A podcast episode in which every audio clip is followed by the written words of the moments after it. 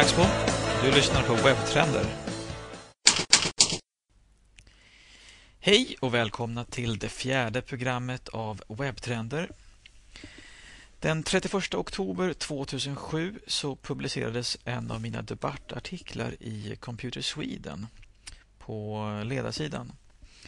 Eh, den hade titeln Sökmotoroptimering är alltid fult och min ståndpunkt i artikeln var ungefär att ett felaktigt fokus på sökmotoroptimering kan bidra till att vi får en mängd sökresultat som inte är relevansrankade utan snarare köpta och som riskerar att urholka förtroendet för sökmotorerna eftersom vi då egentligen bara får till eh, en till annonsplats.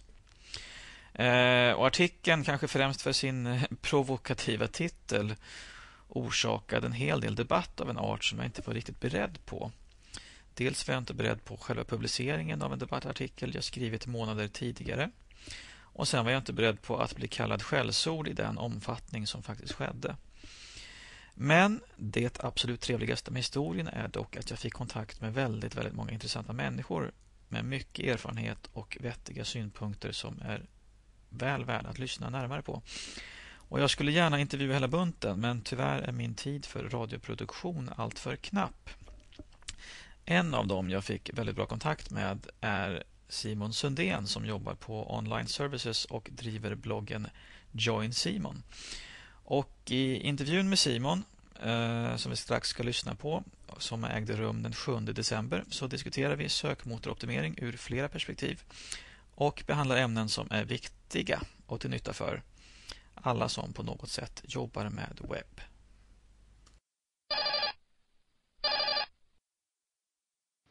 Hallå? Tjena Simon!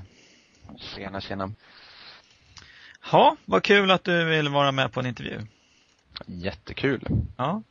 Tänkte enklaste utgångspunkten, för det är det som egentligen har sporrat till mig till att göra ett program om just sökmotoroptimering. Den här jäkla artikeln som du känner till allt för väl. Mm. Jag hade faktiskt chans att köra en uh, föreläsning om det förra veckan. Eller det var i tisdags.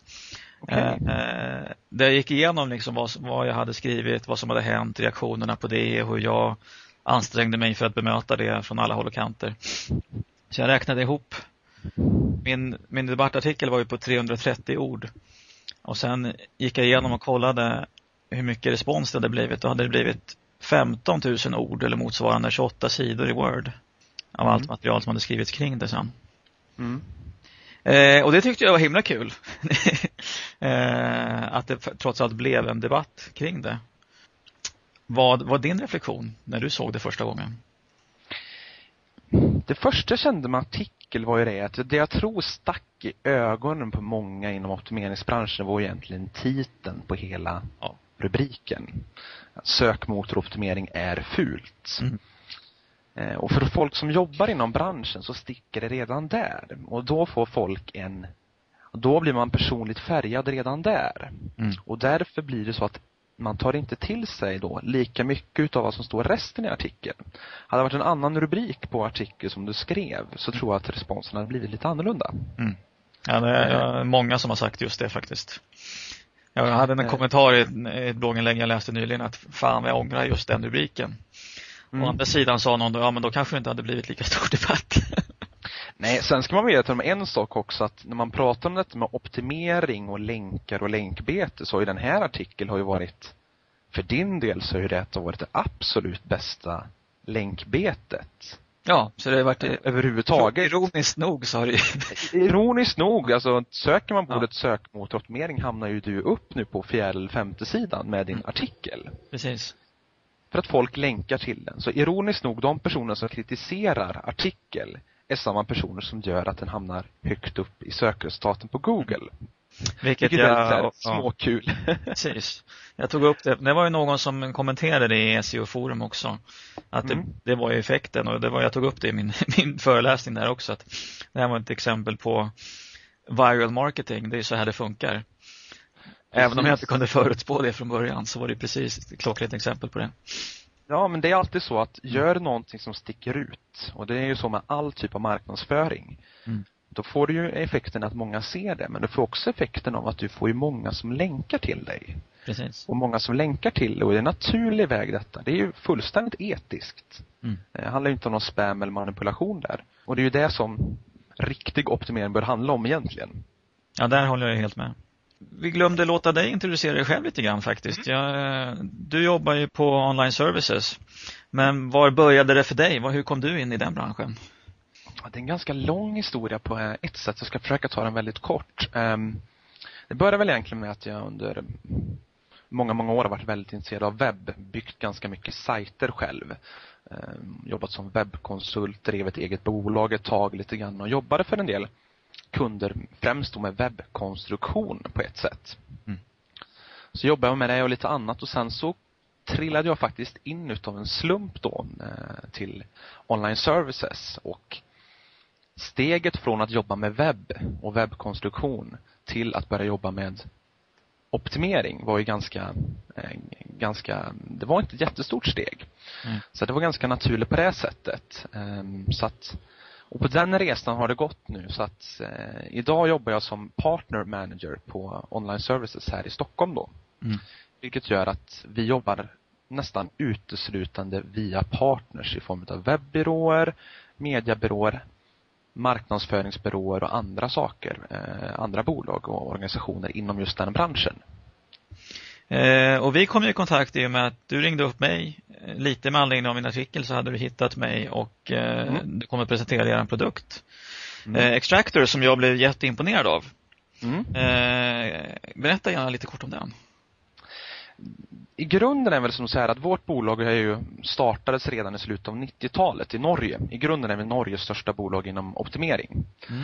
Men det är också som så här att när man sysslar med optimering, vi som bolag kan ju aldrig gå in och leka i en kunds källkod egentligen.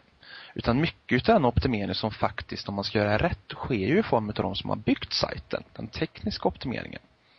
Så det som vi har i Extractor är ju egentligen ett ett sökoptimeringsverktyg i grund och botten. Mm. Ehm, delen som kallas för Exactor Search och även mycket ett usability-verktyg och webbstatistikdel.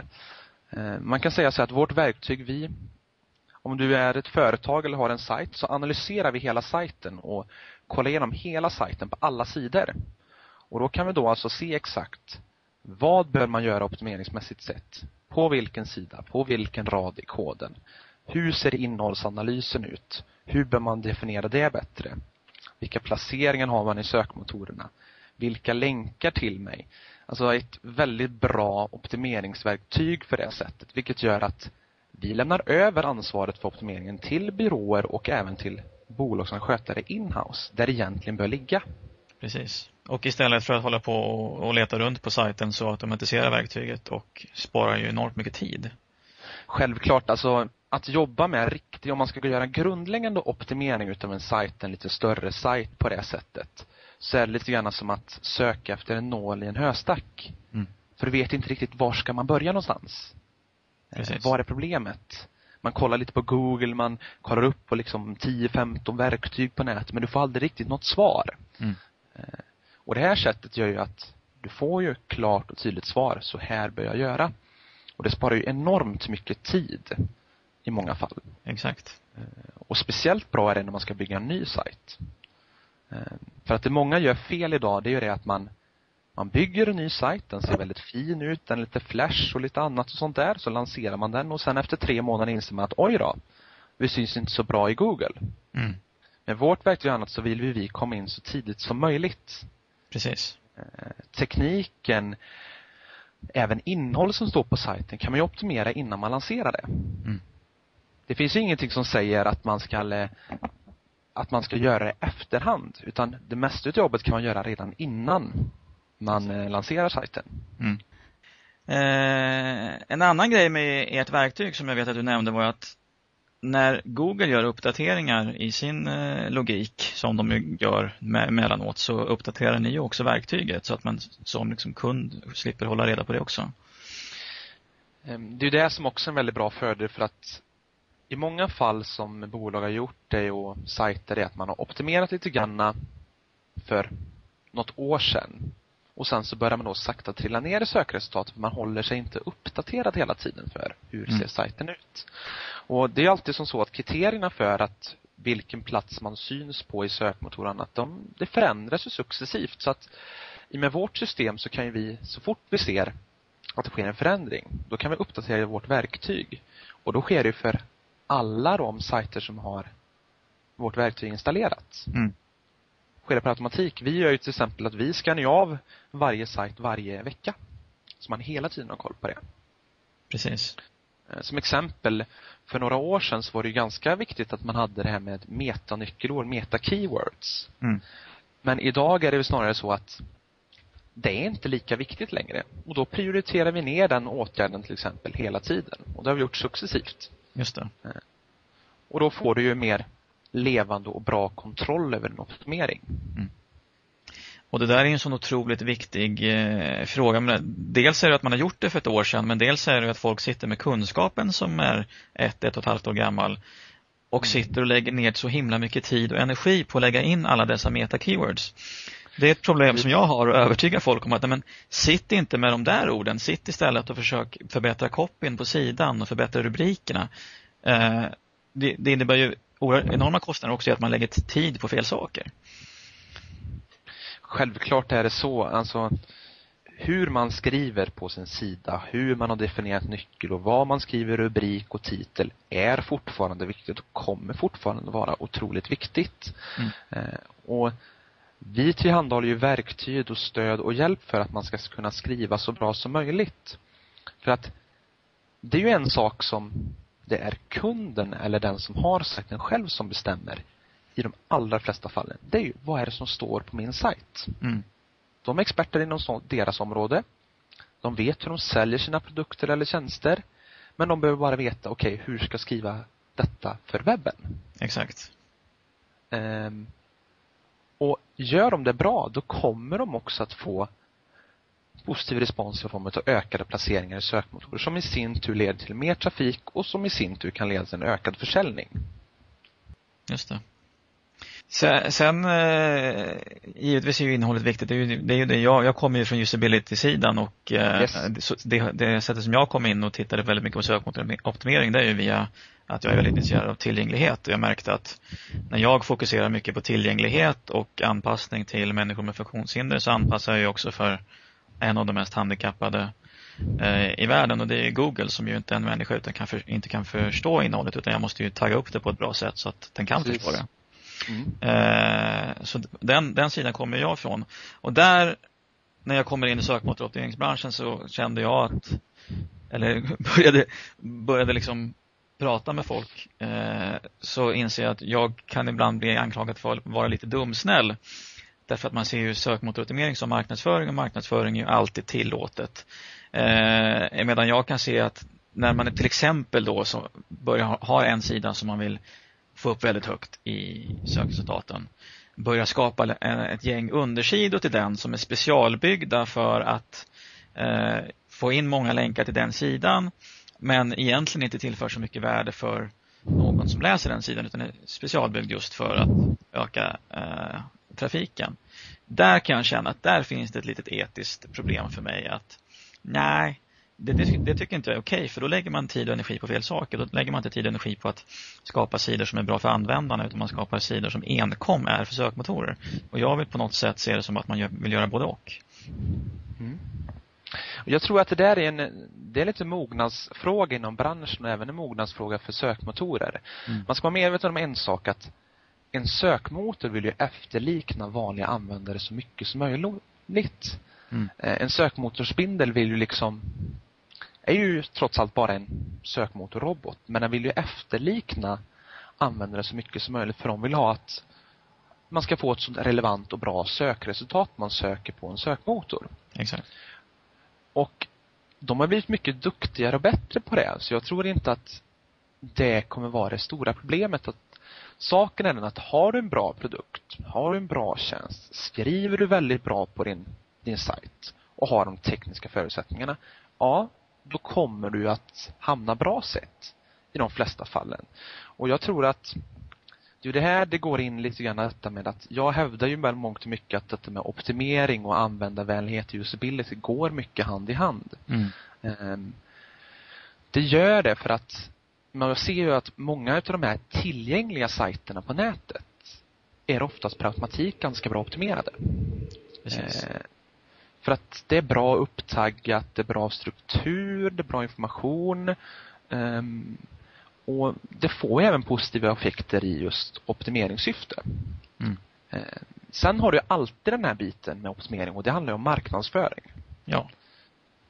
Och länkar till exempel att när det gäller optimering så handlar det om att du ska få så många som länkar till dig som möjligt men även att de ska vara så kvalitativa som möjligt. Eh, nu pratar jag inte om någon sån här värdelösa länkfarmer eller länkkataloger och sådana saker. Nej, precis. Det handlar ju väldigt mycket om relevans nu. Och det är ju mycket med marknadsföring att göra. Är du ett duktigt bolag som har en bra produkt eller bra tjänst eller gör bra tv-reklam eller har en jättesmart webbkampanj. Då kommer du få många som länkar till dig. Ja. Och det är just detta som är viral marknadsföring. Mm. Att jag tycker att man bör tänka lite grann på, okej, okay, hur ska vi marknadsföras bra på webben? Man, men man kan även ha i åtanke till att, aha, men hur ska vi kunna attrahera många som länkar till oss? Precis. Eh, och det är ju det detta med länkarbete handlar om. Mm. Eh, vi har ju säkert hört i branschen och det är många som reagerade på din artikel, mångt och mycket. Och det tror jag beror väldigt mycket på att man vill göra det lätt för sig. Man tror att den lätta vägen är att, ja men jag lägger upp dig på hundra länkkataloger och lite länkar överallt liksom Mm. för att man tror att det är en, en bra system och man köper lite länkar här och var liksom och voilà ska jag hamna jättehögt upp i sökresultaten. Det är en väldigt, väldigt kortsiktig lösning och tittar man på vad som händer nu med Google och andra så det ger ingen bra relevans. Mm. Eh, De länkarna som du får där, det brukar jag kalla för skräplänkar egentligen.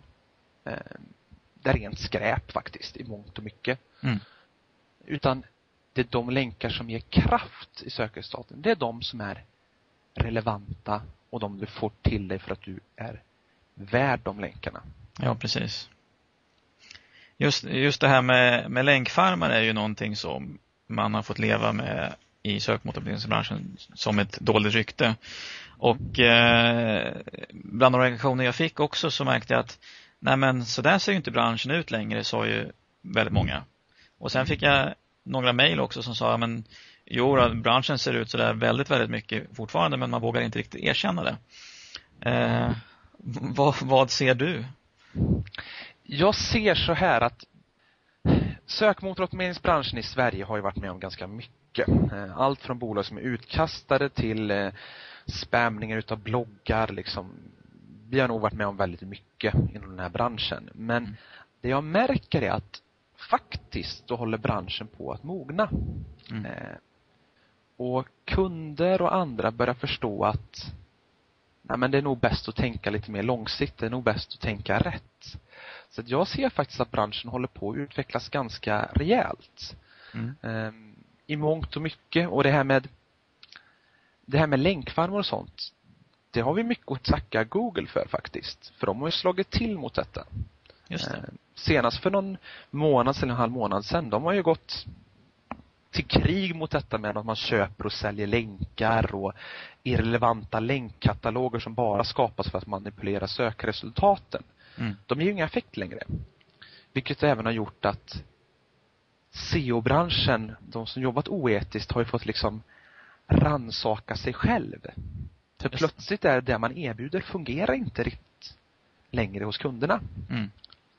Och sen beror det också på att sökmotorer idag, allting sker ju inte med automatik utan de gör ju även saker manuellt. De kastar ju ut sajten manuellt. Mm. I mångt och mycket.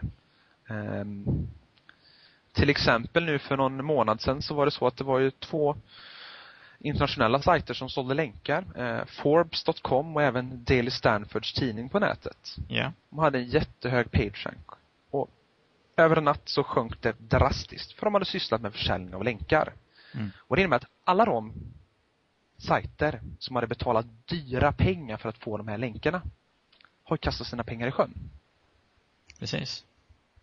Och jag pratade med, det var en mässa här i, i Stockholm för några veckor sedan. Jag fick möjlighet att prata en bra stund med Adam Lasnik på eh, Google som är en av de topppersoner som ansvarar för sök, organiska sökmotorn då. Och han sa väl rätt slätt så här att ja, de här kunderna har ju i princip kastat pengarna i sjön under flera månaders tid. Mm. Man ska ha medveten om att Google vet mer om vad du gör än vad du tror. Mm. Eh, Det är skönt att Det höra. kanske tar, det kanske tar tre, fyra månader innan de liksom slår till. Ja. Men de vet mer än vad du tror. Eh, självklart, de är inte, man ska medge om att Google är, har 16 000 anställda. Det sitter två personer i Dublin som är svenskar som jobbar med sökkvalitet i Sverige. Man satsar mycket hårdare på de lokala marknaderna så att, att tro att man kan gå den enkla vägen med optimering och trixa till lite grann med länkfarmar och kataloger och annat. Det är lite naivt, för det Mm. funkar inte. Det funkar inte i längden. Men det måste väl ändå vara ganska svårt för br- branschen eftersom det har hänt, precis som, som du säger, det har hänt väldigt mycket i Sverige, vi har fått stå ut med mycket, att leva med det ryktet eller den stämpeln på något sätt. Mm. Eh, för det var det jag var lite ute efter också, att det som är sökmotoroptimering är ju det som har den där stämpeln. Och det som jag märker som man faktiskt är på väg mot, som, som du säger, att man är mer mogen, man jobbar på ett helt annat sätt, man tänker mycket mer på tillgänglighet och användbarhet i samband med eh, sökmotoroptimeringen. Så det är ju precis det jag älskar och vill. Eh, men det känns så farligt att kalla det för sökmotoroptimering för att det missförstås då så lätt tycker jag. Det är ju faktiskt som så här att vi har ju lite Det är ju också lite, handlar mycket om begrepp och ord i det här fallet. Mm. Vad är sökmotoroptimering? Vad är sökoptimering? Vad är sökbarhetsoptimering? Vad är Vad är sökmarknadsföring? Vad är sökmotorvänlig design? Det finns så Det finns så otroligt många begrepp. Mm. Så det är svårt att veta vad är vad. Ehm, så det är också ett litet problem i det men det många inser nu i många fall också att det är en sak att hamna högt upp i Google. Mm. Det är en sak. Sen handlar det också om att du ska få klick om du hamnar högt. Men sen handlar det också om, men när du väl får 10 000 besökare från en sökmotor och kommer till din sajt, vad gör de sen? Ja, Och det exakt. är där många inser att om du då bygger upp en sån här skräplandningssida, ja men du kommer ändå inte öka din försäljning. Du måste ju ändå ha de här sakerna med användarvänlighet och usability. Um, tittar man på skandinaviska webbplatser, vi har ju kanske 2000 webbplatser som vi monitorerar med vårt verktyg. Mm. Och det man kan se med vår del är att det är en väldigt oroväckande eh, bounce rate generellt sett. Upp till 50 procent går in på en sida och går ut därifrån. Väldigt hög avstötningsprocent. Eh, Och det tyder ju på att man måste också tänka på hur gör vi sen när folk kommer till vår webbplats. Eh, Och det är ju det som är lite grann problemet med att man gör lite så kallat, vad jag brukar kalla för fuloptimering. Det tar ju inte hänsyn till, tar ju bara hänsyn till att du ska få höga placeringar. Mm. Men det handlar ju mycket om att en placering är ju ingenting om du inte kan generera någonting i slutändan. Exakt. Om du har en bra sida och har höga placeringar och tycker informationen är bra, ja då köper du produkten online eller tjänsten online. Eller så går du till butiken och köper det. Det är det som det är det jag försöker få in. Jag brukar kalla det för missionering egentligen när jag är ute och pratar med byråer och kunder och alltihop. Att det handlar om att du måste inse att din webbplats är ett skyltfönster och, och även en butik. Det gäller att du måste ta tillvara på hela kedjan. Mm. Eh, Och det är därför det är så viktigt också att kunna göra sådana här usability-tester, användarvänlighet, många sådana saker. Men även göra optimering. Eh, Du ska egentligen syssla med liksom hela kedjan. Precis, och allt är inte bara enstaka insatser från de olika firmorna. För att, menar, precis som att sökmotoroptimeringsbranschen får komma in ja, när man, efter man har lanserat så händer det ju ofta att klassiskt att användbarhetskonsulterna kommer in ett par veckor Yes. in, innan lansering och ja men testa, ja men vi hinner ju inte åtgärda något av det ni finner. Eh, klassiska problem. Så att någonstans då bottnar det i kärnan i att beställarna måste ju bli duktigare på att inse vad det är de behöver. Eh, och det som vi i alla fall har brottats med i användbarhetsbranschen är ju att om en, någon beställer en webbplats och vi kan ta ett helhetsåtagande men om alla bara går på pris så jag menar då, då skiter man ju i användbarhetstester och eh, liknande. Även i sökmotoroptimering, man vill bara få ut en webbplats. Då är det ju priset som gör att man köper den billigaste som inte tänker eller bryr sig om de här bitarna. Alltså så är det ju fortfarande i mångt och mycket. Ehm, tittar man utomlands i många fall så är man ju mer mogen och är beredd att betala mycket mer för man ser ju att det är så pass viktigt. Mm. Och det är ju det som börjar hända här lite grann. Jag märker av väldigt mycket att folk vill anställa personer inom användarvänlighet, inom optimering, alltså som sitter inne på bolagen själva och sysslar med det som det. heltidstjänst. Mm. Och det innebär att de inser att detta är en sån otroligt viktig kanal. Mm. Att de väljer då att, ja men då anställer vi en person på det. Så jag tror att det är en ehm, det är just det jag menar med mognadsdelen här egentligen. För ju mer vi informerar, ju mer vi utbildar, ju mer vi diskuterar de här sakerna, ju mer kommer folk inse detta. Ehm, man kommer förstå det och jag tror att ehm, jag tror att det kommer ske en ganska stor utveckling om detta i Sverige. Vi har legat lite efter på den punkten men jag tror det kommer utvecklas väldigt mycket mer åt det hållet. Mm. Ja, det, det tror jag också. Det är kul att höra dig säga det. Ja, ja men det, det, det är ju lite grann så. så. Det jag menar med detta med usability och optimering, att det går lite hand i hand. Vi kan ta ett exempel till exempel. Oftast ibland så ser jag sajter som är helt byggda i Flash. Mm. Då har det varit någon designbyrå som har vunnit några priser internationellt sett och de tar jättemycket för att bygga en jätteinteraktiv Flash-sajt och alltihop. Ja, det var ju kul för en mm. viss målgrupp. Just det. Från din sida för användarvänlighet så skulle du säkert såga den sajten. Mm. Eh, för den skulle inte vara tillgänglig mot alla. Samma sak skulle en sökmotor såga sajten också. För den tar ju också hand om tillgänglighet. Precis. hur ska den kunna läsa alla länkar och allt innehåll i varenda flash? De har blivit mm. duktigare på det, men de kan fortfarande inte läsa alltihop. Google och sökmotorer erkänner själva att vi är väldigt dåliga på att läsa flash.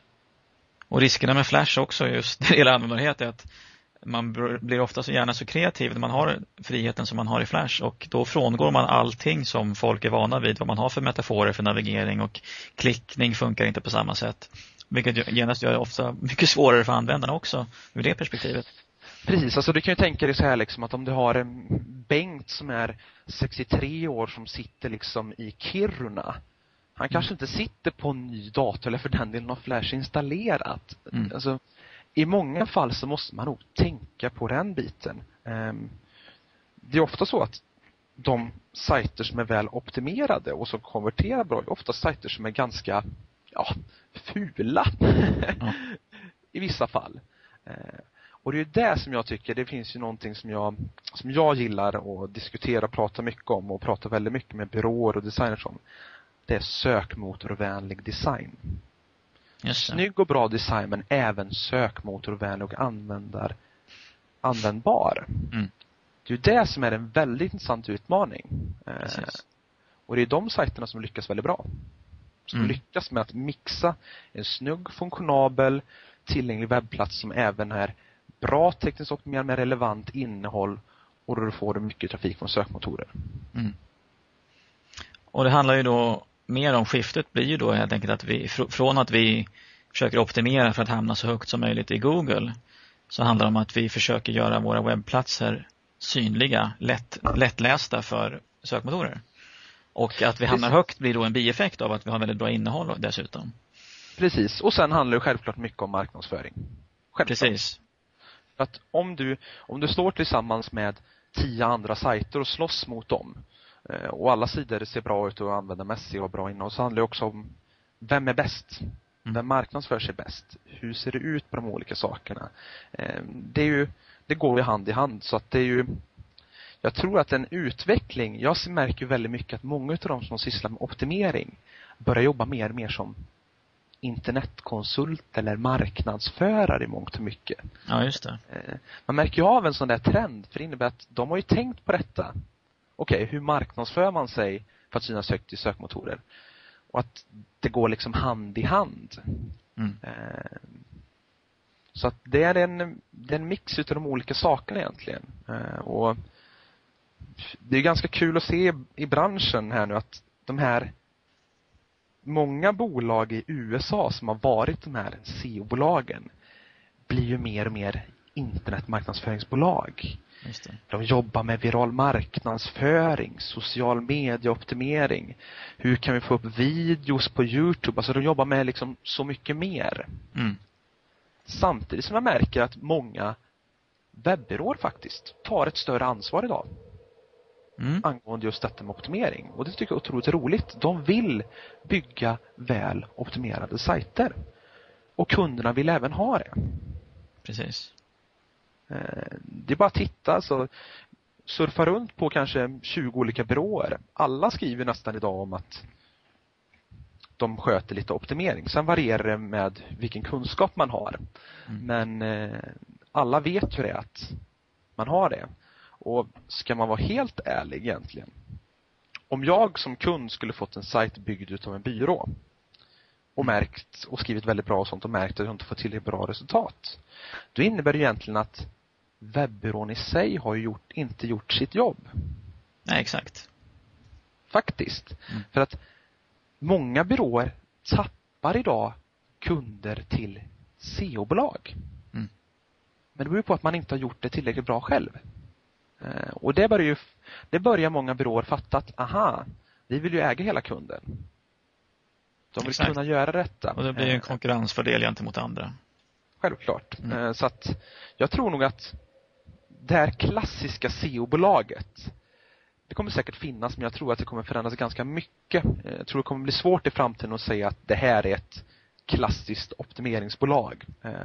För de kommer få vara väldigt svårt mm. att överleva i och med att marknadsföringsbyråer tar över ena delen av kakan, webbyråer tar över andra delen av kakan och massor med saker på det sättet. Eh, och det känner vi av och det är därför vi också har varit inriktning mot med verktyg för optimering som alla kan använda. Vi har ju SEO-bolag i Sverige och Norge som använder våra verktyg. För de gör ett mycket bättre jobb. Eh, mycket enklare, mycket bättre och många byråer. Exakt. Eh, och det tror jag är en framtid. Mm. Innan vi rundar av så hade jag tänkt uh, se vad du tänker om sökmotortrender. För att mm. du har varit lite inne på det här i och med att sökmarknadsföring och viral uh, marknadsföringen man pratar väldigt mycket om att komma in i de sociala nätverken och Youtube och liknande. Skiftet sker ju från att, att användarna befinner sig på Google till att de befinner sig någon helt annanstans. Eh, samtidigt som jag märkte att när jag körde den här föreläsningen om min erfarenhet med artikeln så visade jag vilka sökmotorer jag använde för att hitta de som skrev om mig och det var ju liksom eh, blog search och knuff och det var ju liksom alternativ till den vanliga Google-sökmotorn. Mm. Eh, tror du att det sker ett skifte där vi mer och mer börjar förlita oss på andra verktyg för att hitta det vi vill åt? Egentligen inte. Jag tror nog att sökmotorer fortfarande kommer att vara väldigt, väldigt stor kanal. Men tittar du på vad som hände på Google nu senast i somras lanserade mm. de sitt universella sök. Just det. Eh, och det ser du ibland när du söker på en sökmotor ibland idag att du ser att du ser videoklipp ibland, du ser bilder, du kan se blogginlägg, nyheter. Det beror på att Google äger ju alla de här. De har ju Google News, Google Blog Search. De, de köper ja. upp, de köper ju upp, det liksom som, som vi köper jeans, köper de upp bolag. Ja. Eh, de ligger steget före hela tiden. Precis, och då integrerar de ju detta i sökresultatet. Så att eh, när jag pratade då på den här mässan med Adam Läsnek, han, han reflekterade och sa så här att efter vi lanserade universella söket så är det fler personer som hittar rätt färre personer klickar på sida 2, 3, 4 för man hittar helt enkelt rätt i många fall. Mm. Men antalet sökningar på Google har även ökat. Okej. Okay. Um, ehm, och det är ganska intressant för det tyder på att folk behöver bara använda sökmotorn. Mm. Uh, man behöver inte gå till de här andra tjänsterna för att hitta relevant information utan du kan ju hitta allting på den här sökmotorn. Och det är någonting som alla sökmotorer idag utvecklar väldigt mycket på, detta med universella sökresultat att mm. få. Och det är ju också så här att det handlar om att du måste ju tänka på hur du optimerar allt. Du måste tänka på hur optimerar du en Youtube-video? Precis. Hur väl optimerade är våra bilder? 10% ungefär utav eh, alla klick från Google kommer från bildsökningar. Mm. Eh, och det är alla de här sakerna som gör att det blir så pass intressant. Det handlar liksom om att du ska synas och vara väl optimerad överallt. Och ett bra exempel på en sökmotor som är väldigt långt fram i detta det är den eh, amerikanska sökmotorn Ask, ask.com. Just det, gamla Ask Jeeves. Precis, men som har lanserats om och en väldigt populär nu sökmotor. Mm. Som finns och de har integrerat det överallt. Du har encyklopediträff, du har liksom CNN-fakta, du har liksom alltihop på många sätt. Mm. Så att eh, så är det. Så det, så Ask, Ask samarbetar ju faktiskt med Google när, och använder sig av Googles eh, algoritmer för, för visning av annonser. Mm. Eh, jag eh, köpte igår på flygplatsen The Google Story av David okay. A. Weiss. Och den, eh, jag har läst halva nu redan.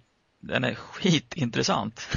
Mm. Så det är liksom julklappstipset nummer ett till alla webbnissar.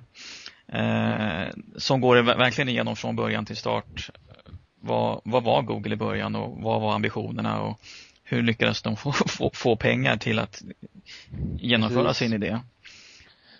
Från att deras enda egentligen ambition var att försöka skapa en så bra algoritm som möjligt för att hitta relevant innehåll. De var inte intresserade av att tjäna pengar överhuvudtaget.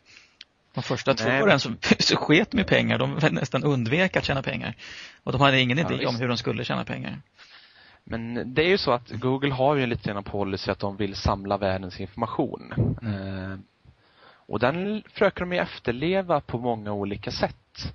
Så att det är um, och det är därför de har alla de här andra tjänsterna med bloggsökningar och nyhetssök och alltihop. De vill kunna samla uh, och så att en vanlig person, de går in på Google och söker på någonting så hittar du det oavsett om det är en video eller en nyhet eller vad det nu kan vara för någonting. Mm. Så ska du hitta relevant direkt inom loppet utav 0,1 miljoner Precis.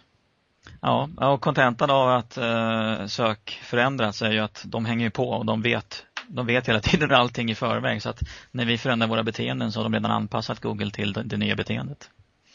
Mm. Ja, det är rätt imponerande. Ja, men det är, nej, jag tycker det är otroligt intressant och jag tror att eh, i och med detta med universella söket och allt annat så det kommer alltid att, eh, sökmotorerna kommer finnas kvar, det är jag helt övertygad om och det kommer alltid finnas arbete för oss som jobbar med användarvänlighet och optimering att hjälpa företag och organisationer och sajter att bli mer tillgängliga på webben. Mm. Nu dök mina barn in i rummet. Jag hörde det lite grann här så det. Jag tror vi rundar av där. Jag mm. tyckte det var skitintressant. Jag tror att det är väldigt många som kommer att ha nytta av den här diskussionen. Precis. Jag tycker det liksom tar upp väldigt många av de frågorna som är aktuella att tänka på. Precis, precis. Så för de som vill så finns ju alltid möjlighet att gå in på min egna blogg som är joinsimon.se. Jag skriver om optimering men även mycket om social viral marknadsföring och även internettrender i mångt och mycket. Så ja, det är inte bara uteslutande om optimering utan mer mycket om trenderna i många fall. Ja. Jag slänger upp en länk till den på sajten också. Lysande, lysande. Ja. Stort tack Simon. Tack själv faktiskt. Mm. Vi hörs av framöver. Det gör vi. Du får det jättebra nu. Ja, tack. Hej då. Ja, hej. Jättestort tack till Simon för att du tog dig tid till intervjun. Du som lyssnar, alla relevanta länkar bland annat till Simons blogg hittar du naturligtvis på webbtrender.se. Glöm inte heller bort att det snart är dags att anmäla sig till konferensen From Business to Buttons i Malmö. Det är en konferens med fokus på interaktionsdesign och i år äger den rum 12 till 13 juli.